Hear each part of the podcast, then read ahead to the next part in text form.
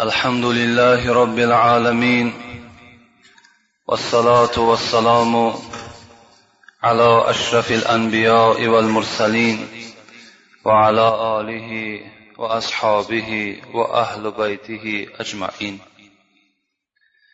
بعدا السلام عليكم ورحمة الله وبركاته. اولا همه شما پدران برادرانی که در این خانه خدا حضور دارین همه شما را خوش آمدید می‌گویم. و یک جایه به شما دعا می‌کنیم که پروردگار به حرمت فذکرونی اذکرکم. مرا یاد کنید خدای ما و شما می‌گوید من هم شما را یاد می‌کنم.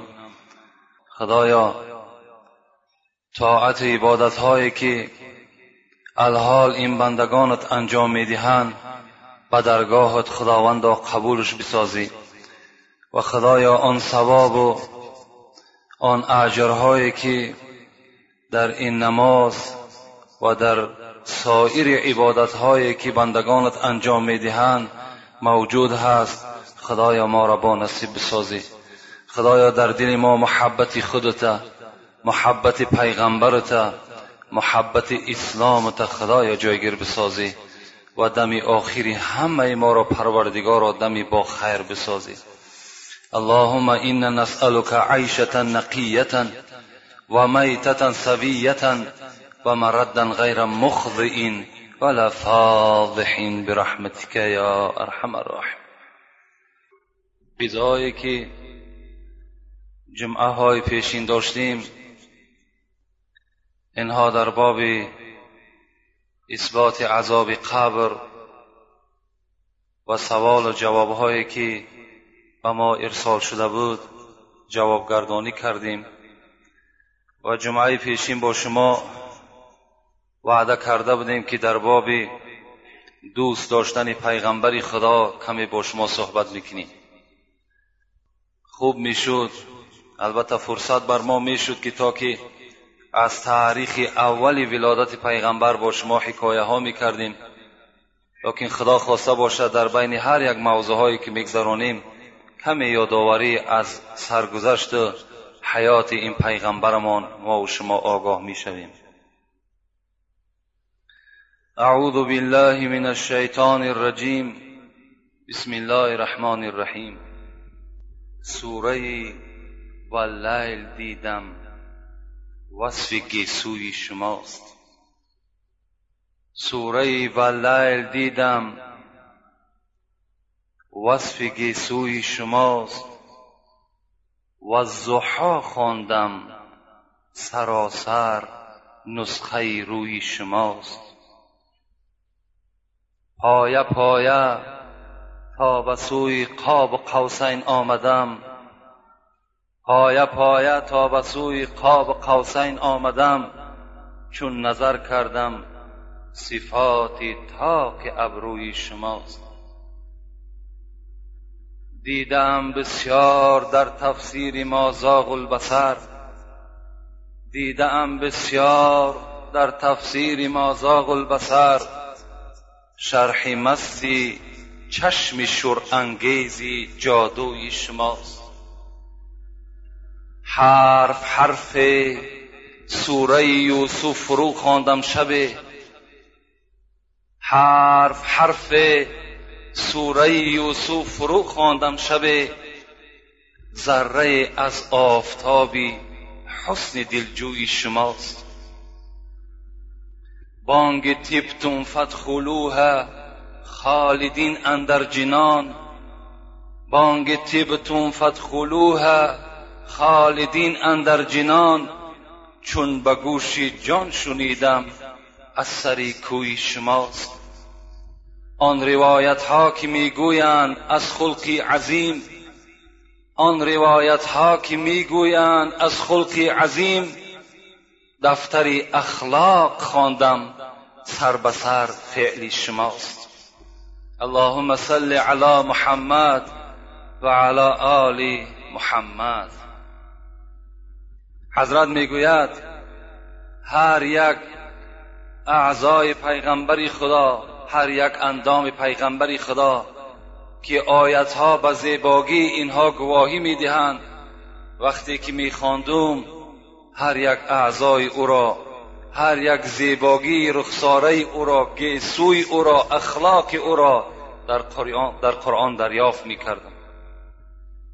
حتی حضرت چی گفتند آن روایت ها که می‌گویند از خلق عظیم دفتر اخلاق خواندم سر به سر فعل شماست.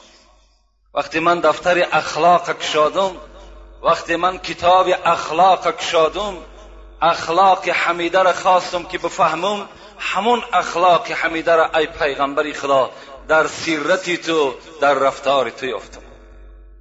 زیرا که ما و شما وقتی قرآن می‌خوانیم به سوره قلم می‌رسیم که در پاره 29 از قرآن است. خدا چی میگد؟ اعوذ بالله من الشیطان الرجیم. نون والقلم و ما یسترون. ما انت بنعمت ربک بمجنون. و این لك لاجرا غیر ممنون. و اینک لعلى خلوق عظیم. فستبصروا و بأيكم المفتون. إن ربك أعلم بمن ضل عن سبيلي وهو أعلم بالمهتدين. صدق الله العظيم. چی میگد خدا؟ قسم بر نون. قسم بر قلمی که می نویسد مفسران میگویند نون. این دوات است. دوات گفته رنگ میگن. قسم بر آن قلمی که رنگ گرفته شد و أو نویسان. چی را نویساند از اول پیدایش دنیا تا آخر دنیا را خدا امرش کرد قلم بنویس. کتابت کرد خدا گفتش ساکت شو ساکت شد ما انت بنعمت ربک بمجنون. وقتی مشرکان عرب که پیغمبر خدا را دیوانه گفتند وقتی پیغمبر که گفت من پیغمبر خدا هستم شما را به سوی یگانگی خدا می‌خوانم چیش گفتن؟ گفتن این دیوانه هست. بعض مشرکا چی گفتن؟ نه گفتن دیوانه نیست با گمراه ماننده است. ها گفتن نه گمراه است و نه دیوانه است بلکه این شیطان است. خدا برای حبیبش دلتی کردن چی گفت؟ ما انت برعم ما انت بنعمت ربک بمجنون. ای محمد تو مجنون نیستی.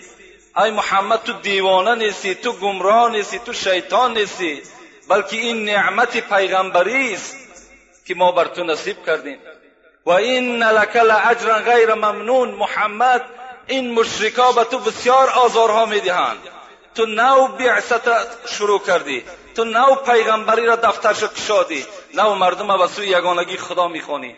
لکن تو را بینهایت مشقت دهشتی بسیار میارند.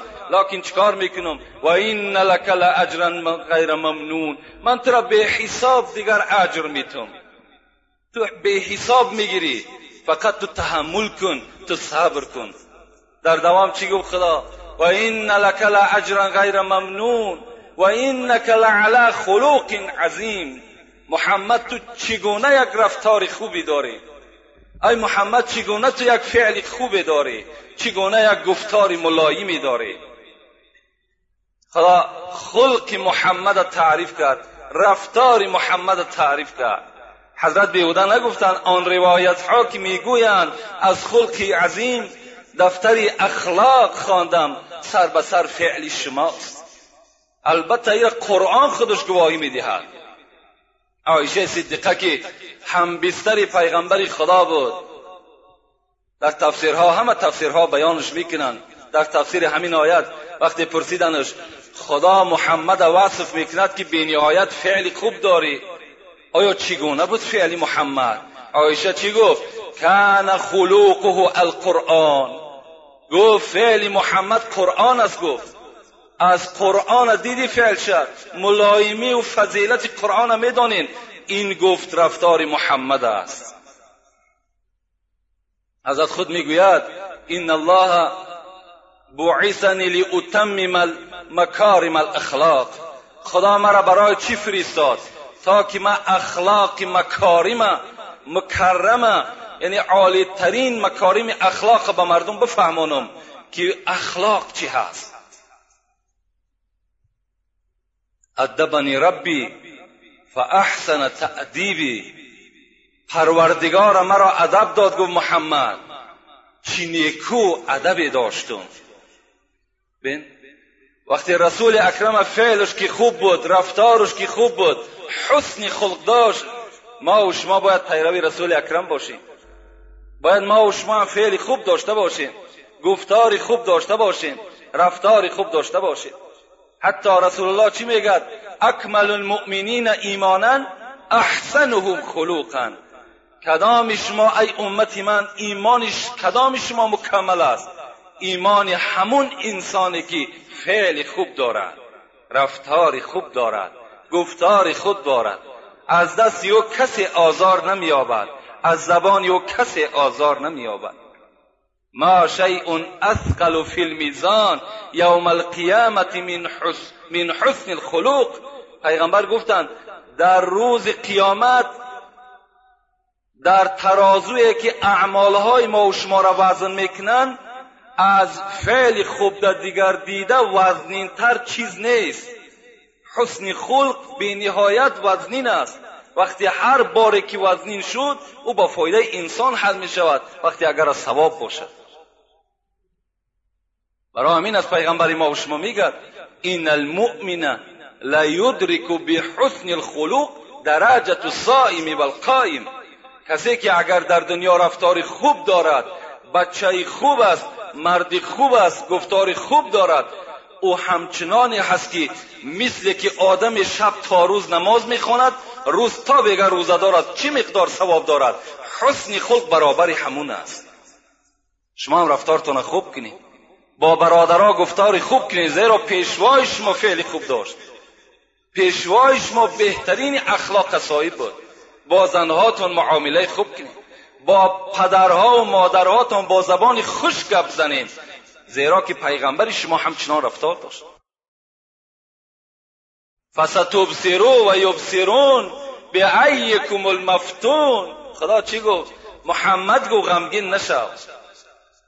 زود است که می‌بینی و می‌بینن که کی هست دیوانه. زود است که روز قیامت میآید.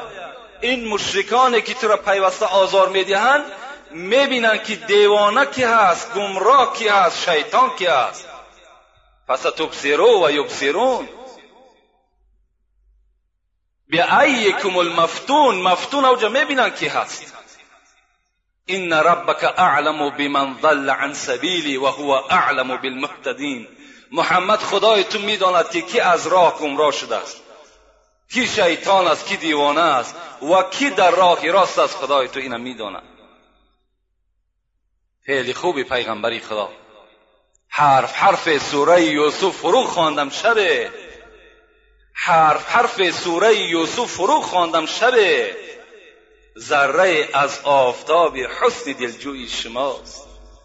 یوسف حضرت یوسف در بین تمام پیغمبرها بهترین حسن داشت. از حسن او زنهای مصر مفتون شدند.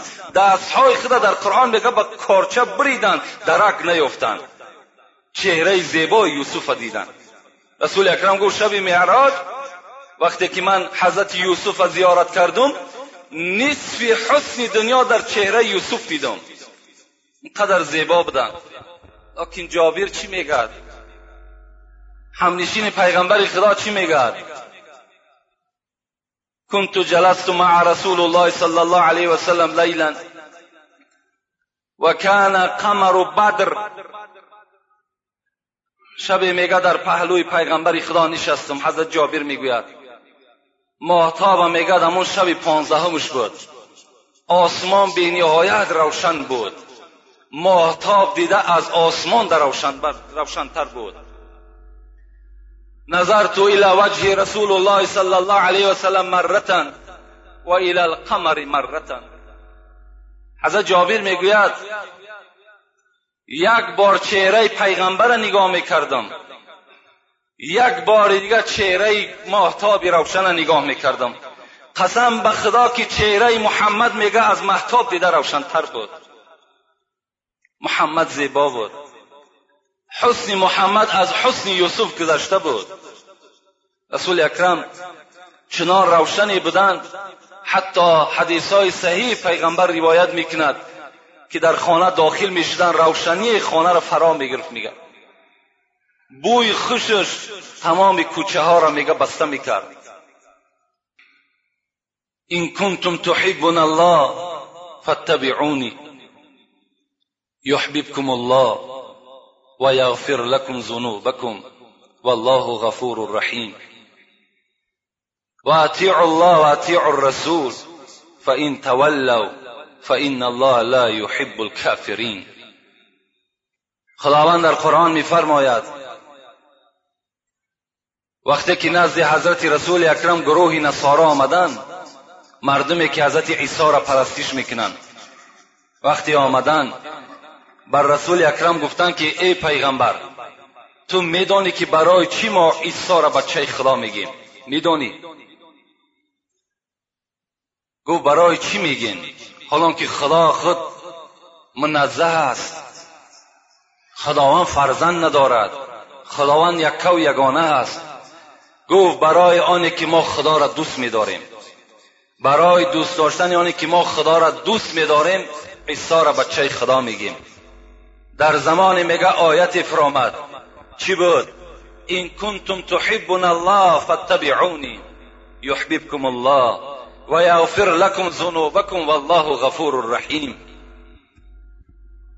جبرائیل امین آیت فراورد گو محمد بر این گروه نصارا بگو که خداوند می‌گوید اگر شما دعوا دارین که خدا را دوست میدارم اگر دعوای شما حقانی باشد پیروی محمد شوین. پیروی محمد شوین خدای شما یحببکم الله خدا شما را دوست میدارد. و یغفر لکم ذنوبکم. به سبب دوست داشتنتان باز گناه های شما را خدا مغفرت می سازد والله غفور رحیم. خدای شما به نهایت غفور رحیم است. شما پیروی محمد چید اطیع الله اطیع الرسول. خدا را وقتی شما می‌خواهید که اطاعت کنین اطاعت محمد بکنین. فاین تولوا اگر شما نخواهید که بر محمد پیرو شوین فان الله لا یحب الکافرین یقین بدانین همه شما کافر هستین خدا کافر را دوست نمیداره این گروه نصارا را همچنان خداوند جواب گردانید. کجا همون پیروای عیسی که امروز نظر به همین آیت کریمه کنند. کجاست همو پیروای عیسی جاهلی که امروز به سوره صف نظر کنند که خود عیسی چی میگه؟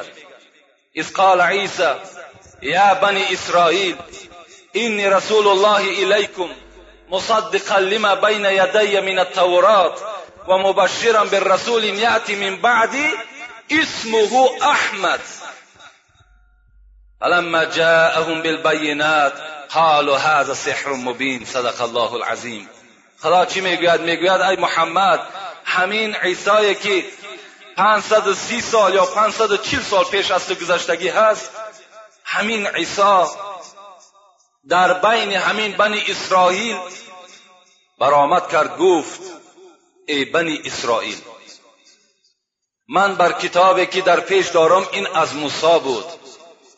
من بر این باوری داشتم. امروز انجیل عیسی انجیل من آمد. شما چنگ زننده بر انجیل من باشید.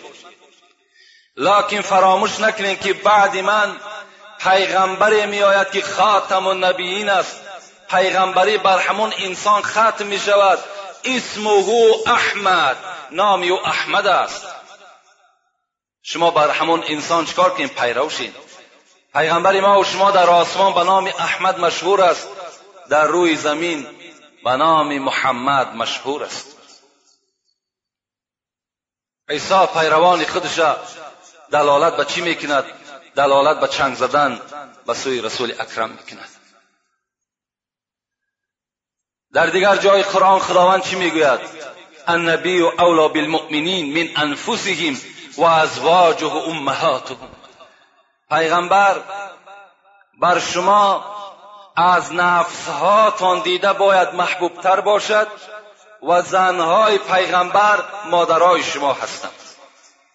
وقتی که جنگ تبوک میگد آغاز شد رسول اکرم اعلان کرد که همه مردم مسلمان بیرون شوید و در این جنگ تبوک همراه من اشتراک می‌کنید.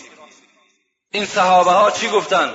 گفتن پیغمبری خدا از پدر و مادر می‌پرسیم آمده در کشونهای لشکری تو همراه می‌شویم و بازیدی آن کسانی که دینی تو را و قرآنی تو را تحقیر می‌کنند مبارزه می‌بریم. آیتی آمد النبی اولا بالمؤمنین من انفسهم و ازواج و امهاتهم. محمد بر این امتات خبر بده که تو را باید از پدر و مادر دیده دوست بدارن. پدر و مادر کجا می‌پرسن؟ از تو بپرسن از نفس ها و از جانهاشون دیده تو را دوست بدارن.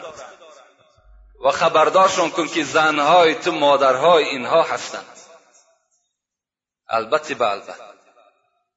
رسول اکرم حدیث صحیحش است. لا یؤمن احدکم حتی اکون احب الیه من والدی و ولدی و الناس اجمعین. ایمان شما کامل نیست ای امت من. تا زمانی که شما مرا از پدر و مادرتان از فرزندهای جگرگوشتان و از تمام مردم و از مال و انجام و پول و خانه که دارین و از جانهایی که در وجود دارین از این دیده مرا دوست ندارین ایمان شما کامل نیست. در اصل خدا ما و شما را منت می‌کند. منت می‌کند که ای بندگان ای تخم انسان پیش از آنی که محمد بر زمین نیامده بود و این کانو من قبل لفی ضلال مبین شما گمراه بودین شما نمی‌دانستین انسان چی هست شما نمی‌دانستین خدا چی هست شما انسان اخلاق نمی‌دانستین چی بود روز رسول اکرم آمد دنیا منور شد روز رسول اکرم آمد انسان قدر و قیمتش پیدا شد همه توفیل پیغمبر خدا شد ما و شما را خداوند منت می‌کنه حضرت عمر میگه در معرکه بودن گفتن یا رسول الله انت احب الی من کل شیء الا نفسی پیغمبری خدا من تو را از پدر و مادرم دیده از فرزندهام دیده از خانم دیده از مال انجام از تمام یار رفیقم دیده تو را دوست میدارم لکن بغیر جانم. جان خود من خودم دوست میدارم. رسول الله گفتن لا یا عمر تا اگر از جانت هم دیده مرا دوست نداری ایمان تو کامل نیست. عمر حضرت چیکار کردن؟ حضرت میگه در تفکر رفتن. گفتن من همان عمری نبودم که شمشیر در دستم بود. می‌خواستم سر محمد ببرم. این امروز قدر من این قیمت من در بین تمام مسلمان ها پیدا شد توفیل محمد بود آخر. و ایلا من کی بودم؟ و ایلا من کی بودم که رسول اکرم از من دعا طلب می‌کند؟ من از کی؟ من از صاحب رسول اکرم به این درجات رسیدم. و ایلا منم سگ از سگای دوزخ بودم. اگر همراه ابو جهل همراه ابو لحب از دنیا میگذشتم مثل اونا دوزخی بودم. من این شرافت و درجاتی که رسول اکرم گفت قصر عمر در جنت دیدم من در توفیل رسول الله یافتم. میگه گشته گفتن یا رسول الله انت احب الی من کل شیء حتی من نفسی. پیغمبری خدا از پدرم دیده از مادرم دیده از فرزندهام دیده حتی از جانم دیده من تو را دوست میدارم. رسول الله چی گفت؟ یا عمر الان تمت سعادتک. الان ایمان تو کامل شد. نیکبختی نصیب تو شد ای عمر. صحابه ها پیغمبر خدا را به نهایت دوست می داشتند یک صحابه بود به نام مصعب. مصعب ابن عمر جوان بود. رسول اکرم میگد وقتی که من با همراهی مصعب در مدینه منوره بودیم پدر و مادر مصعب بسیار به دولت بودند لکن ایمان نداشتند این مصعب میگد پینهانی از پدر و مادرش ایمان آورده بود. وقتی که رسول الله میگد در کوچه ها سیر می‌کرد مصعب بهترین لباس هایی که دوصد درهم بود در تنه همین مصعب بود. بای بچه بود میگد پنهانی آمد میگه بر من ایمان آورد. وقتی میگه ما احوالمان که تنگ شد دیگر آزار و مشقت این مشرکان که زیاد شد به حبشستان میگه سفر کردیم. و این مصعب میگد پنهانی از پدر مادرش از خانه بیرون شد و پیما شد. به حبشستان میگه آمد. من به شما محبت صحابه ها وقتی میگد بر حبشستان آمدیم بینهایت احوالمان بد بود خوردنی نداشتیم آبی زیادتی نداشتیم. همه با یک چینک معینی بود میگد این رسول اکرم میگه من در زیر یک درخت نشسته بودم. به ناگاه با پیش میگد همین مصعب گذشت. همان مصعبی که میگد دوصد درهم کرته میپوشید نگاه کردم که در این مدتی که همراه من است یک گیله میکونه در پشتش پرتافتگی بود. حضرت میگد چندین جای گیله میگد دریدگی بود. نگاه می‌کردم که به حضور نمایان بود که حضرت یا شکمش گرسنه بود میگد یا حلقش تشنه بود میگه از پیش من گذشت. دیگر میگه من طاقت نکردم. ایمانداری مصعب که دیدم میگد دیگر گریان شدم رسول اکرم می‌گوید. وقتی میگد اندک روز از بین گذشت به ناگاه اعلان جنگ شد که فردا یک قبیله با شما اعلان جنگ دارد. رسول الله همه صحابه ها را میگه خبر کردم. فردا میگه به میدان جنگ وقتی که در آمدیم بیرق میگه مصعب گرفت. این بیرق برداشتن البته کاری خیلی یک آدمی به غیرت در کار بیرق برداری این نشانش همین است که یعنی دل مسلمان ها را باز قوت زیادتر می‌کند. روحیه مسلمان به قوت می‌کند. میگه نگاه کردم که همون بیرق در دستش است. و میگه بی نهایت جنگاوری می‌کرد. به ناگاه میگد همون دستی که بیرق داشت میگه از دست یک مشرک زده شد. لکن میگد مصحف ایمانی که کاملی که در وجودش جوش می‌زد در دست دیگریش میگد بیرق داشت. و پیش می‌رفت تا که مردم مسلمان میگه روحیش نافتد به پیش حرکت می‌کرد میگد وقتی میگد به پیش می‌رفتیم نگاه کردیم این دفعه که دست دیگری مصحب میگد زده شد. لکن مصحب خدا رحمت مغفرتش کند ایمان کامل که بود؟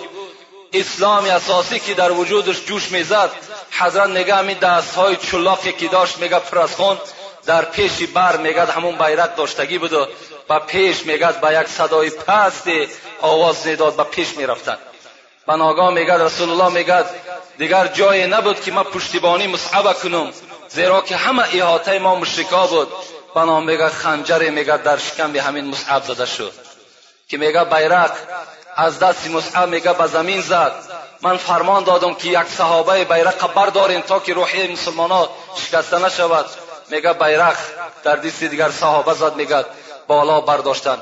وقتی میگه بود چی جنگ؟ گشته آمدیم همان شالچه همان گلیمی که در پشتش پرتافتگی بود.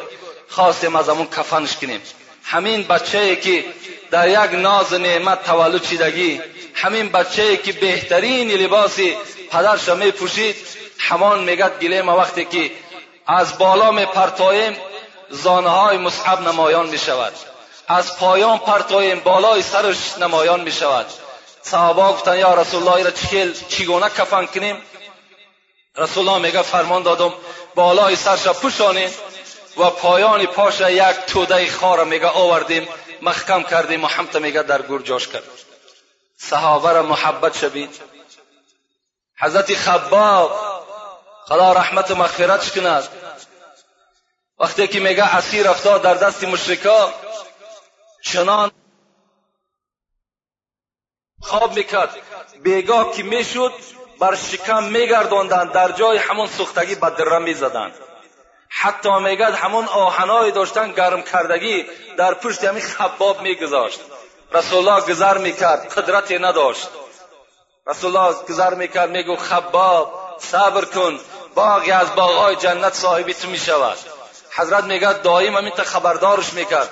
لیکن هزار شکر که خباب از دست مشرکان میگه کشته نشد.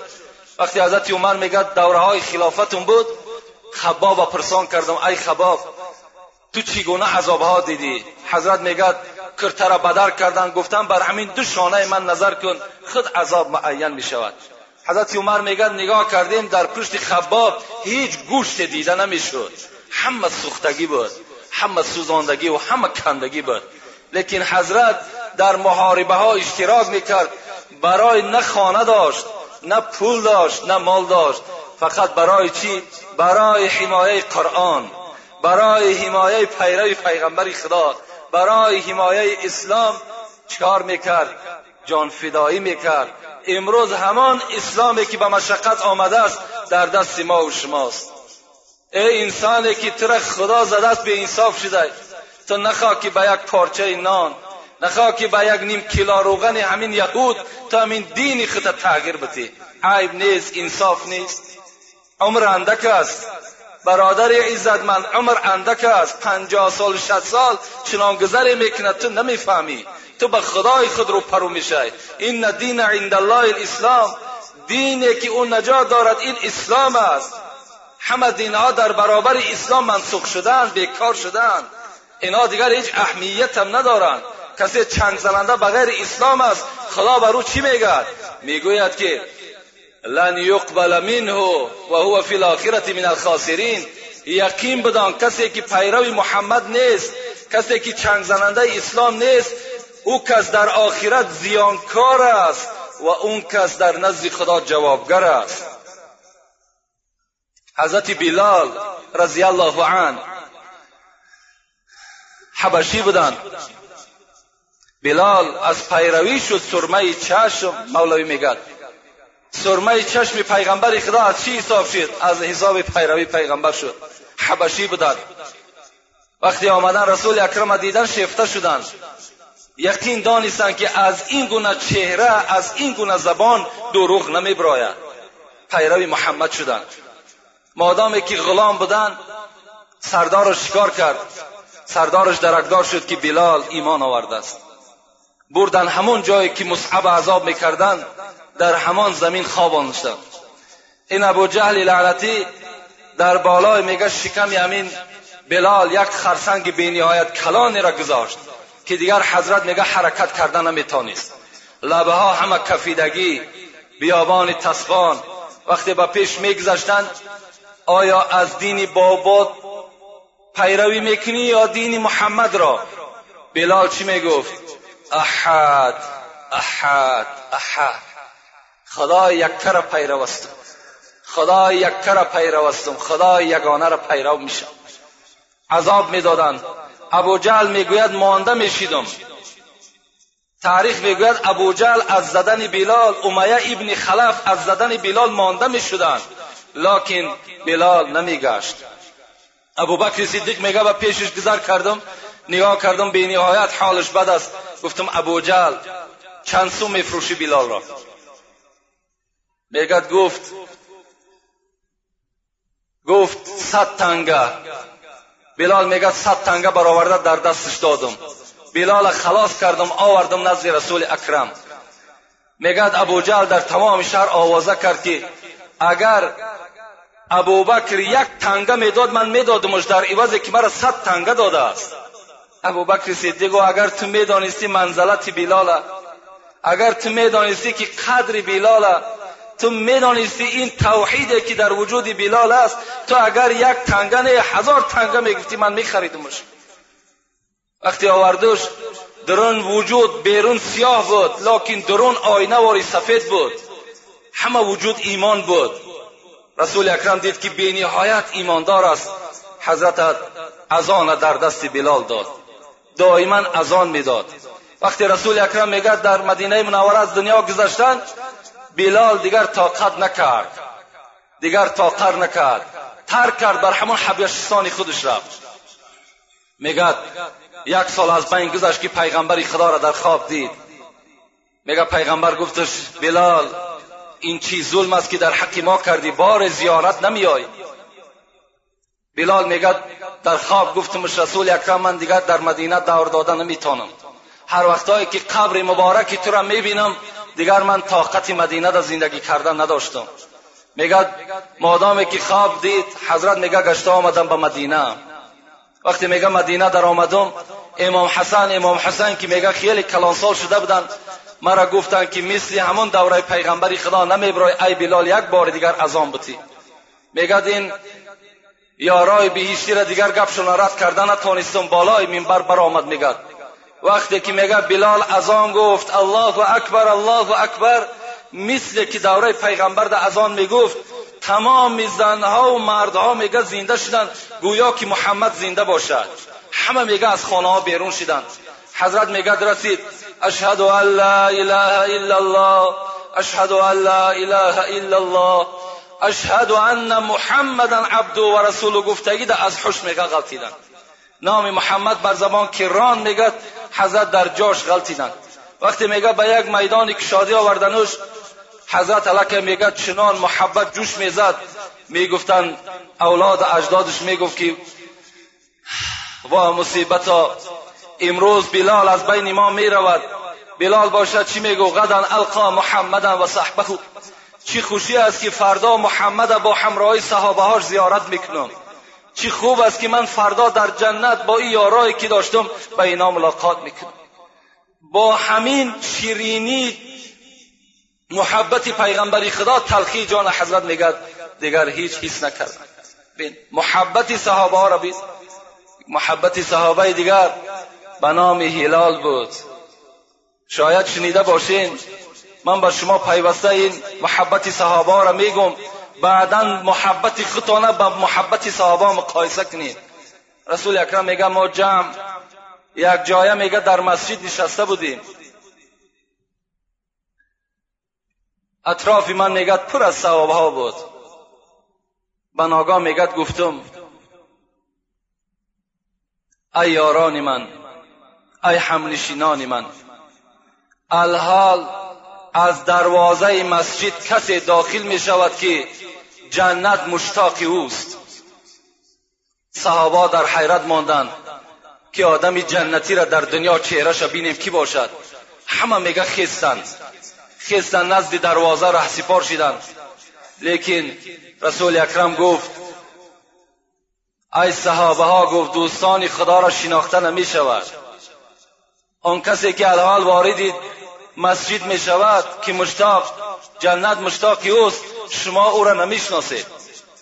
صحابه میگه گشته آمدن در اطراف پیغمبر مثل پروانه نشستند به ناگاه میگد یک مرد درآمد خدی دراز داشت و سیاهپوست بود. این بلال نبود این هلال بود. به نزدیک رسول اکرم آمد. با پیغمبر خدا میگه سلام کرد در پیش پیغمبر خدا نشست.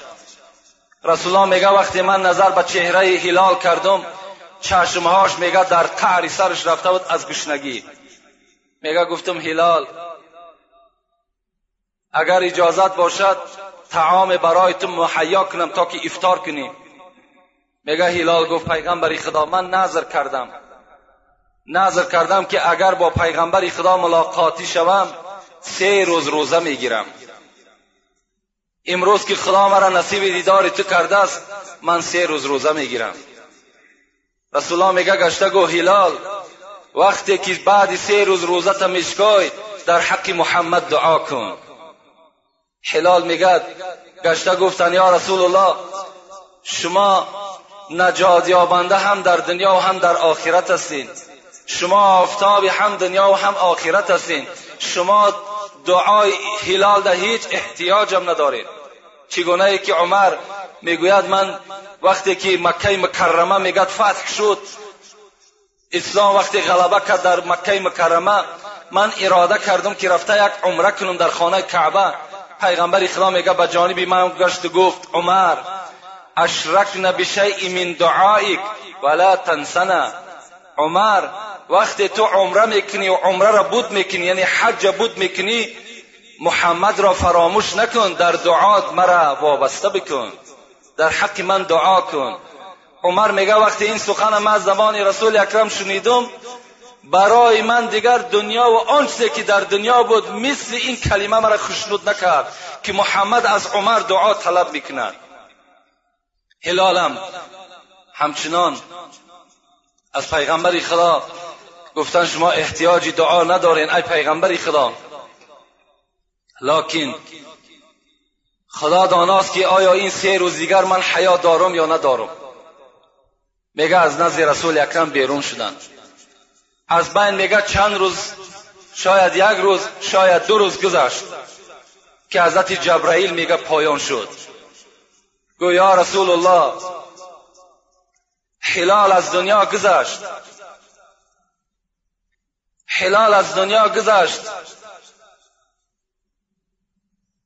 خداوند بر تو امر می‌کند که تکفین و تجهیز هلال خود به دست خود بکن. رسول الله میگد گشته گفتم جبرائیل چرا تو شیطابان هستی؟ چرا سراسیمه هستی؟ گو خداوند بر من امر کرد که رسول اکرم بر فوت هلال خبر بده و بعدا رفته سری بلال بالای زانوی خود بگذار. زیرا در جای وفات کرده است که بالای سری و پر از پشه است. من مگسرانی می‌کنم.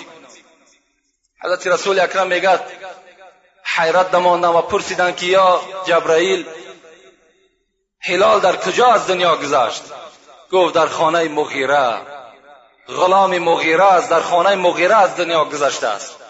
رسول الله میگه به جانب صحابه گشت و گفت ای اهل اصحاب همان جوانی که داخل مسجد شده بود و ما گفتیم که جنت مشتاق اوست. امروز جنت به این آرزوی خود نایل شد. هلال از دنیا گذشت.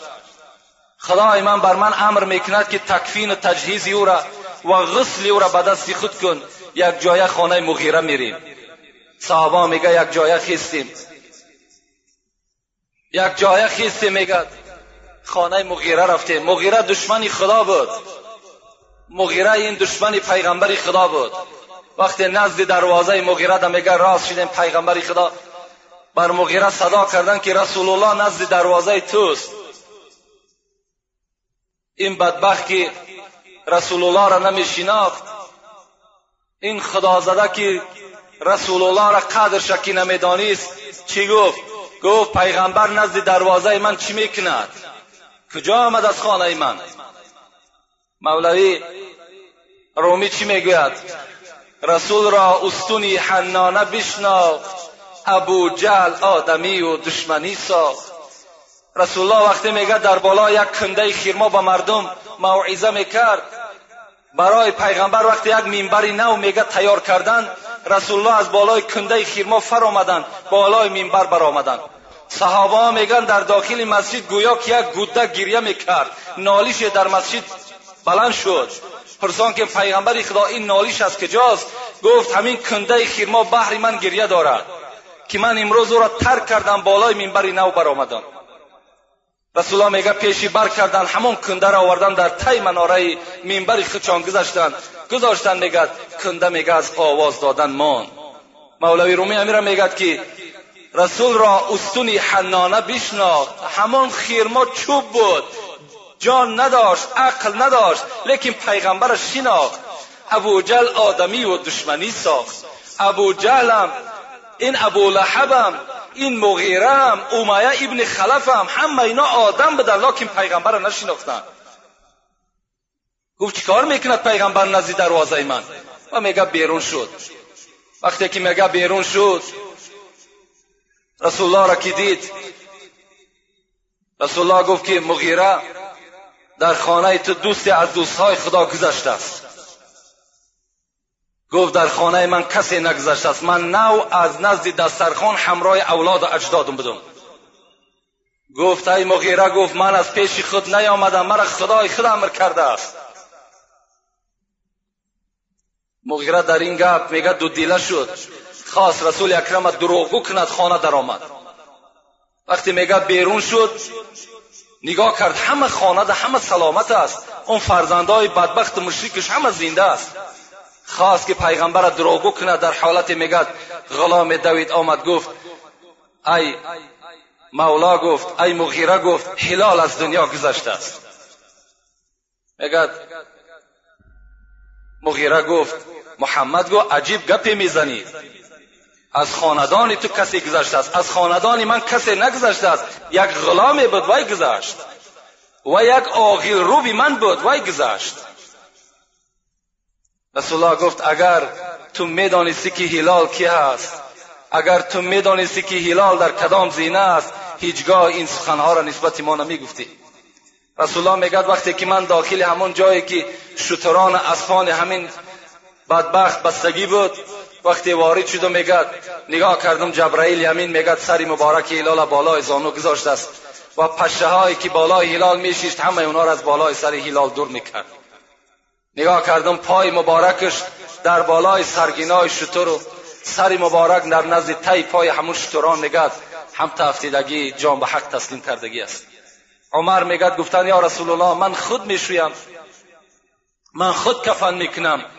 محمد گفت حلال غریب بود حلال یتیم بود حلال بیکس بود محمدم یتیم است محمدم غریب است. غریب را غریب می‌شود حضرت میگد دست به شستن زدن حضرت بلال کفن کردن.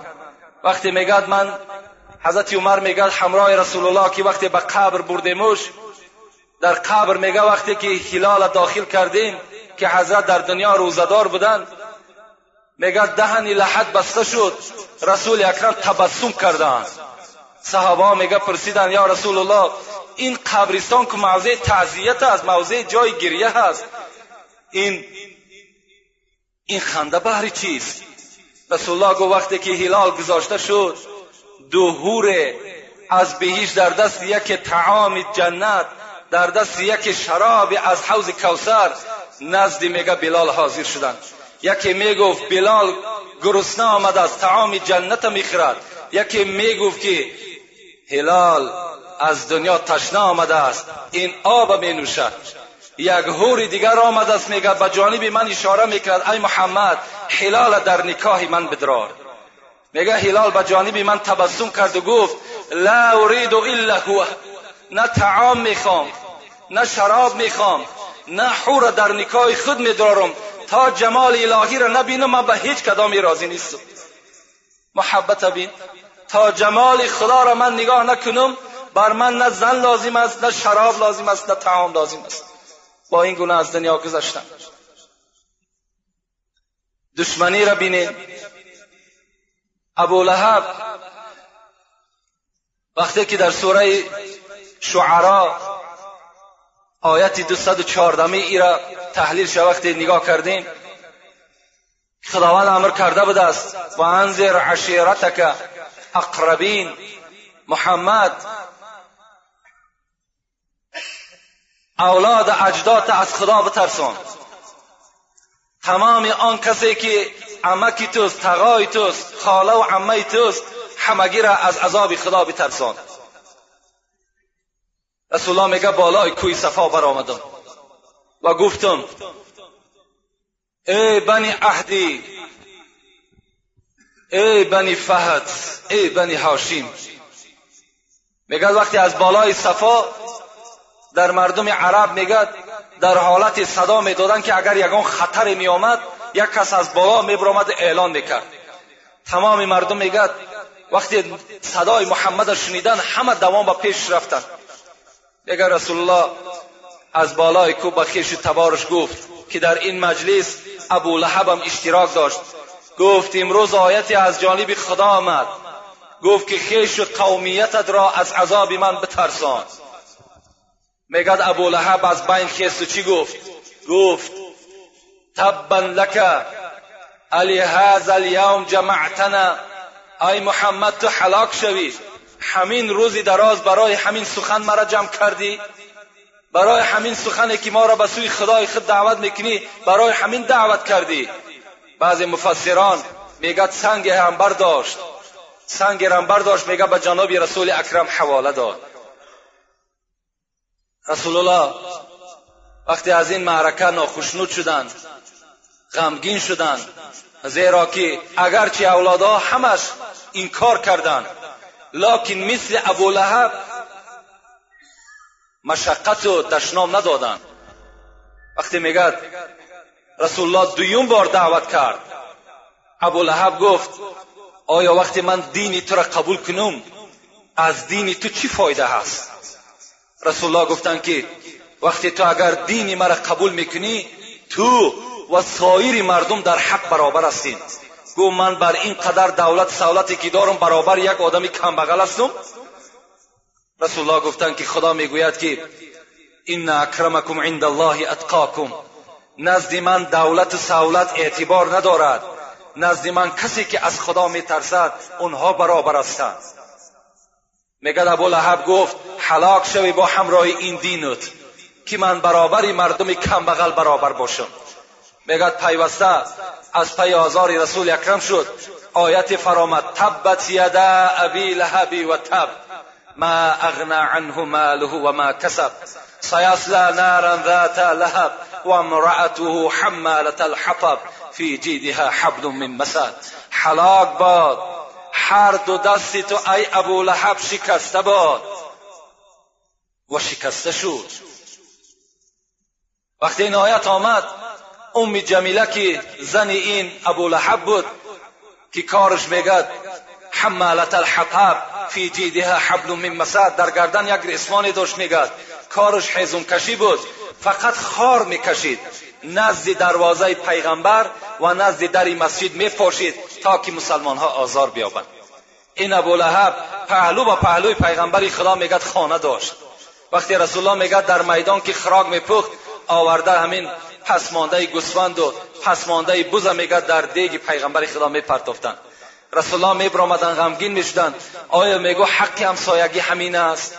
دیگر حضرت هیچ سخنی نمی‌گفتند مگر که یک اخلاق حمیده خوبی داشتند این ابولهب میگه سه فرزند داشت. یکی عتبه یکی معتب یکی عتیبه. این عتبه و این عتیبهش باز دامادای پیغمبر بود. اینا پیش از پیغمبر پیغمبری شدنش دو دخترش رقیه و ام گلسوم در دست این دو فرزند ابولهب بود. وقتی این آیت کی آمد ابولهب غمگین شد. ابولهب در شاید مثال یک غمگین یک بگیم دهشت در وجودش پیدا شد که رسول الله مرد مسخره می‌کند. باز از خدای خود چیزی برای من آورده است. میگه در حال عتبه و عتیبه را فرمان داد که دخترهای پیغمبر را طلاق کنید. اگر شما دخترهای پیغمبر را طلاق نمی‌کنید پدری من بر شما حرام است. این عتبه و معتبش بعد فتح مکه باز ایمانی به پیغمبر آوردن. لکن عتیبهش به زمیانه که دختر پیغمبر که رقیش در دستش بود طلاق داد باز چیکار کرد؟ گفت پدر گفت من رفته گفت پیغمبری خدا را اذیت میتم پدرش اجازت داد مرحمت گفت رفته اذیت شده. آمد میگد و در پیش پیغمبر دختر پیغمبر طلاق داد. و گفت که ای ای محمد گفت من آیت اذا نجم الهوا الذي اذا تدلر انکار می‌کنم. این آیت چی است؟ پیغمبر خدا میگد ستاره ها خداوند قسم خورده است به ستاره هایی که در آسمان است. بعضی مفسران میگه برای چی؟ خداوند به ستاره ها قسم خورد. میگد برای که عدد ستاره نامعین است. دوم اینکه بینهایت حرکت کلان دارند و هر یک ستاره آسمان چندین برابر از زمین کلان است. برای برای قدرت الذي اذا تدلى پیغمبر خدا گفته بود که به نزد من جبرائیل میفراید بر من وحی میارد این عتیبه گفت که من با آن ستاره هایی که خدای تو قسم می‌خورد و با این جبرائیلی که تو میگوی من این کار می‌کنم اینا را باور نمی‌کنم. باز بازم این چیکار کرد؟ میگد دهنش میگد پر از خطوف کرد و با پیغمبر خدا حواله کرد. توف به اندام پیغمبر پرتافت صاحب قرطبی میگد هزارها شکر که میگد این توف بدبخت در چهره پیغمبر خدا نافتید لیکن پیغمبر خدا چی گفت؟ دست برداشت گفت اللهم سلط علیه کلبا من کلابک. خدایا گفت این بدبخت این روسیا را به سگ از سگهای خودت گفت مبتلاش بساز. ابو لحب همراه سه فرزندش دایم که تجارت می‌کرد به شهر سوریه می‌رفت. هر سه فرزنداش قطعی میگد رهسپار شد. به شهر شام رسیدند در یک دهه میگه قرار گرفتند مردم این دهه آمد گفت در اینجا شیرها بسیار است. آدمها را شکار می‌کنند خوب می‌شد که از اینجا دورتر می‌رفتیم. ابولهب گفت من فرزند خدمت در بین شترها میخوابانم و اسکر در اطرافش میمانم. هیچ کس بر این زیان زلال داده نمی‌تواند. لیکن وقتی که خدا خواسته باشد وقتی که قدرت خداوندی که بالای کسی نرفته باشد اگر در داخل قصر باشد که به منزله سوزن سراخی نداشته باشد حکم خدا اونجا داخل می شود. میگه در بین خوابید. همان سگی که از سگهای خدا را پیغمبر دعا کرده بود شعر از شعرها میگد پیدا شد. و میگد به بالای شطورها میگه قدم می‌زد شطور میگه از جاش نمی جنبید. آمد میگد بو می‌کشید هر اسکر بو می‌کشید. به ناگاه میگه به راسی عتیبه رسید. بر زمان میگد از گلوی این بدبخت میگد داشت. و میگه پاره پارش کرد. سهر میخیزند این بدبخت در چی حالت می‌بینند؟ در حالتی که دعای پیغمبر خدا در حق این ناکس تاثیر کرده بود. دشمنی هم جزای خودش می‌گیرد. راه بد مرو که بد افتی چاه در راه مکن که خود افتی. البته هر کسی که برای اسلام برای قدر پیغمبر شد برای قدر یک عالم پس کردن می‌خواهد انشاءالله البته ما به خود یک خدای داریم. یک خدای داریم که قصاص همه ما را از ظالمای ما می‌گیرد. هر کی با شمع خدا سازد پفو کسی می‌خواهد که این شمع این قرآن این نور اسلام خاموش کند؟ رومی چی میگد هر کی با شمع خدا سازد پفو شمع کی میرد؟ بسوزد پوزی او این شمع نمیمیرد دیگر. این روشنی قرآن باز روشن می شود این نمی میرد. مگر پوف کننده را زبان دهانش می سوزد چراغ احمدی را حق بیافروخت کسی پوف کرد ریشی خیش را سوخت. این بود مختصرا از حیات محبت صحابه های پیغمبر با پیغمبری خدا و از حیات دشمنهای پیغمبری خدا که مناسبت پیغمبر چی دشمنی ها کردند و چی جزاها دیدند البته ما و شما شنیدیم کار کنیم که ما و شما امتی نوگی زبانی نشیم. کار کنیم که هر یک زمان ایمان ما عوض نکنیم. بر سر بنده مؤمن مصیبت ها مشکلات ها هر زیلش بسیار می آید ما و شما صبر کننده باشیم. به اندک مصیبتی که بالامون می آید در حال شکست دل نشیم. بلکه چیکار کنیم؟ تا چند محبت ما تا چند محبت ما و شما قویتر زیادتر در دل ما و شما شود. زیرا رسول الله خود گفتد مصیبت اول به سینه پیغمبرها بعد بر عالمها بعد بر اولیاها بعد به جمیع مردم آمده می‌رسد. رسول الله را وقتی میگد ایمان می آوردن چی می‌گفتند؟ می‌گفتند مادامی بر من ایمان آوردی دروازه فقر برای تو کشاده می شود یعنی دروازه تنگ دستی و دروازه های مصیبت بالای تو کشاده می شود تو چکار نکن؟ شکست دل نشه. و آخر دعوانا ان الحمد لله رب العالمین. پروردگارا محبت پیغمبر خدا را در دل همه ما بندگانت زیادتر بساز. خدای مهربان فردای قیامت که خود وعده کرده ای ولسوف یعطیک ربک فترزا ای محمد زود است که من ترا بیرق شفاعت میتم تا آن زمانی که اگر تو از من راضی نشوی من در بیرق شفاعت را از دست تو نمی‌گیرم. خدایا از این شفاعت پیغمبرت اهل این امتات برخوردار بساز. خدای مهربان روز به روز ساعت به ساعت دقیقه به دقیقه امت رسول اکرم در روی دنیا صفش زیادتر بساز. ربنا افتح بیننا و بین قومنا بالحق و انت خیر الفاتحین. السلام علیکم و رحمت الله و برکاته. برادرانی که در اینجا خیر احسان ها کردند خدای خیر احسان ها را به درگاهش مقبول بسازد. مرادها و مطلوب هایی که دارن برآورده خیر بیماری هایی که دارن خدای با بیماری های شفای کامل شفای عاجل نصیب و روزی کند یکی از بیماری ها اینجا بابای شفیع که محله ما چندین سال از بیمار است نشستگی است خدای شفای کامل و شفای عاجل این بنده هم نصیب و روزی بسازی گذشتگانی که از ما و شما گذشتند. از این